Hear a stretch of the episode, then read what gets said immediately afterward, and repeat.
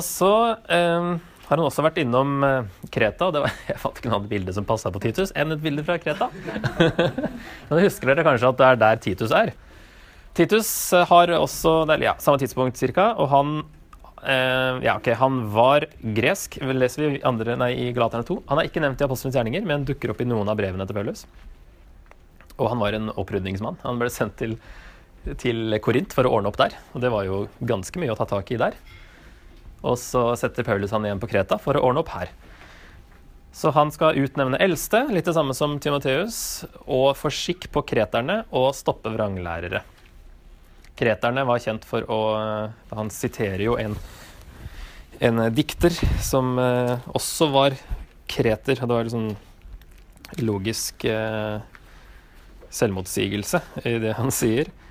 For dette, ja, i vers 1.12 i Titus En av deres egne, en profet, har sagt Kreterne er alltid løgnere, onde villdyr, glupske og late.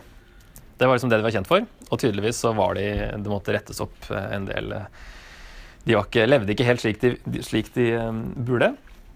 Men så det, er, det ironiske her er jo at uh, han som sa det her, at kretere alltid er løgnere, han er da en kreter. Kan vi stole på dette her? Så det neste Paulus sier dette vitnesbyrdet er sant. Men det var en sånn filosofene pleide å ha det litt gøy med det uttrykket, tror jeg. Fordi han var jo kreter sjøl, han som sa det.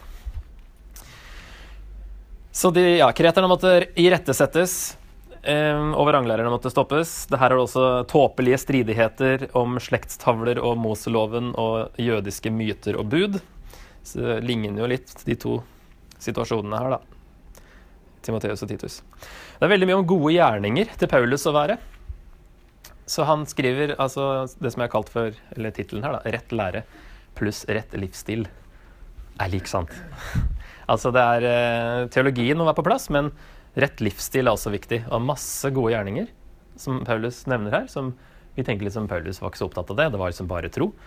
Men uh, tydelig her at han mente at det gikk veldig fint sammen, og det er jo det han nå sier andre steder. Det er jo en, I Romerne, f.eks., det er jo en selvfølge at du snur om på livet ditt når du tror.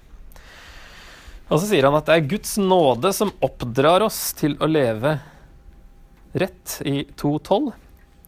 Guds nåde oppdrar oss til å si nei til et ugudelig liv og verdslige lyster, og leve forstandig, rettskaffent og gudfryktig i den verden som nå er. Så det er en naturlig konsekvens da, av eh, nåden og teologien, læren, at eh, vi blir oppdratt til å leve rett og gjøre gode gjerninger, som han sier her.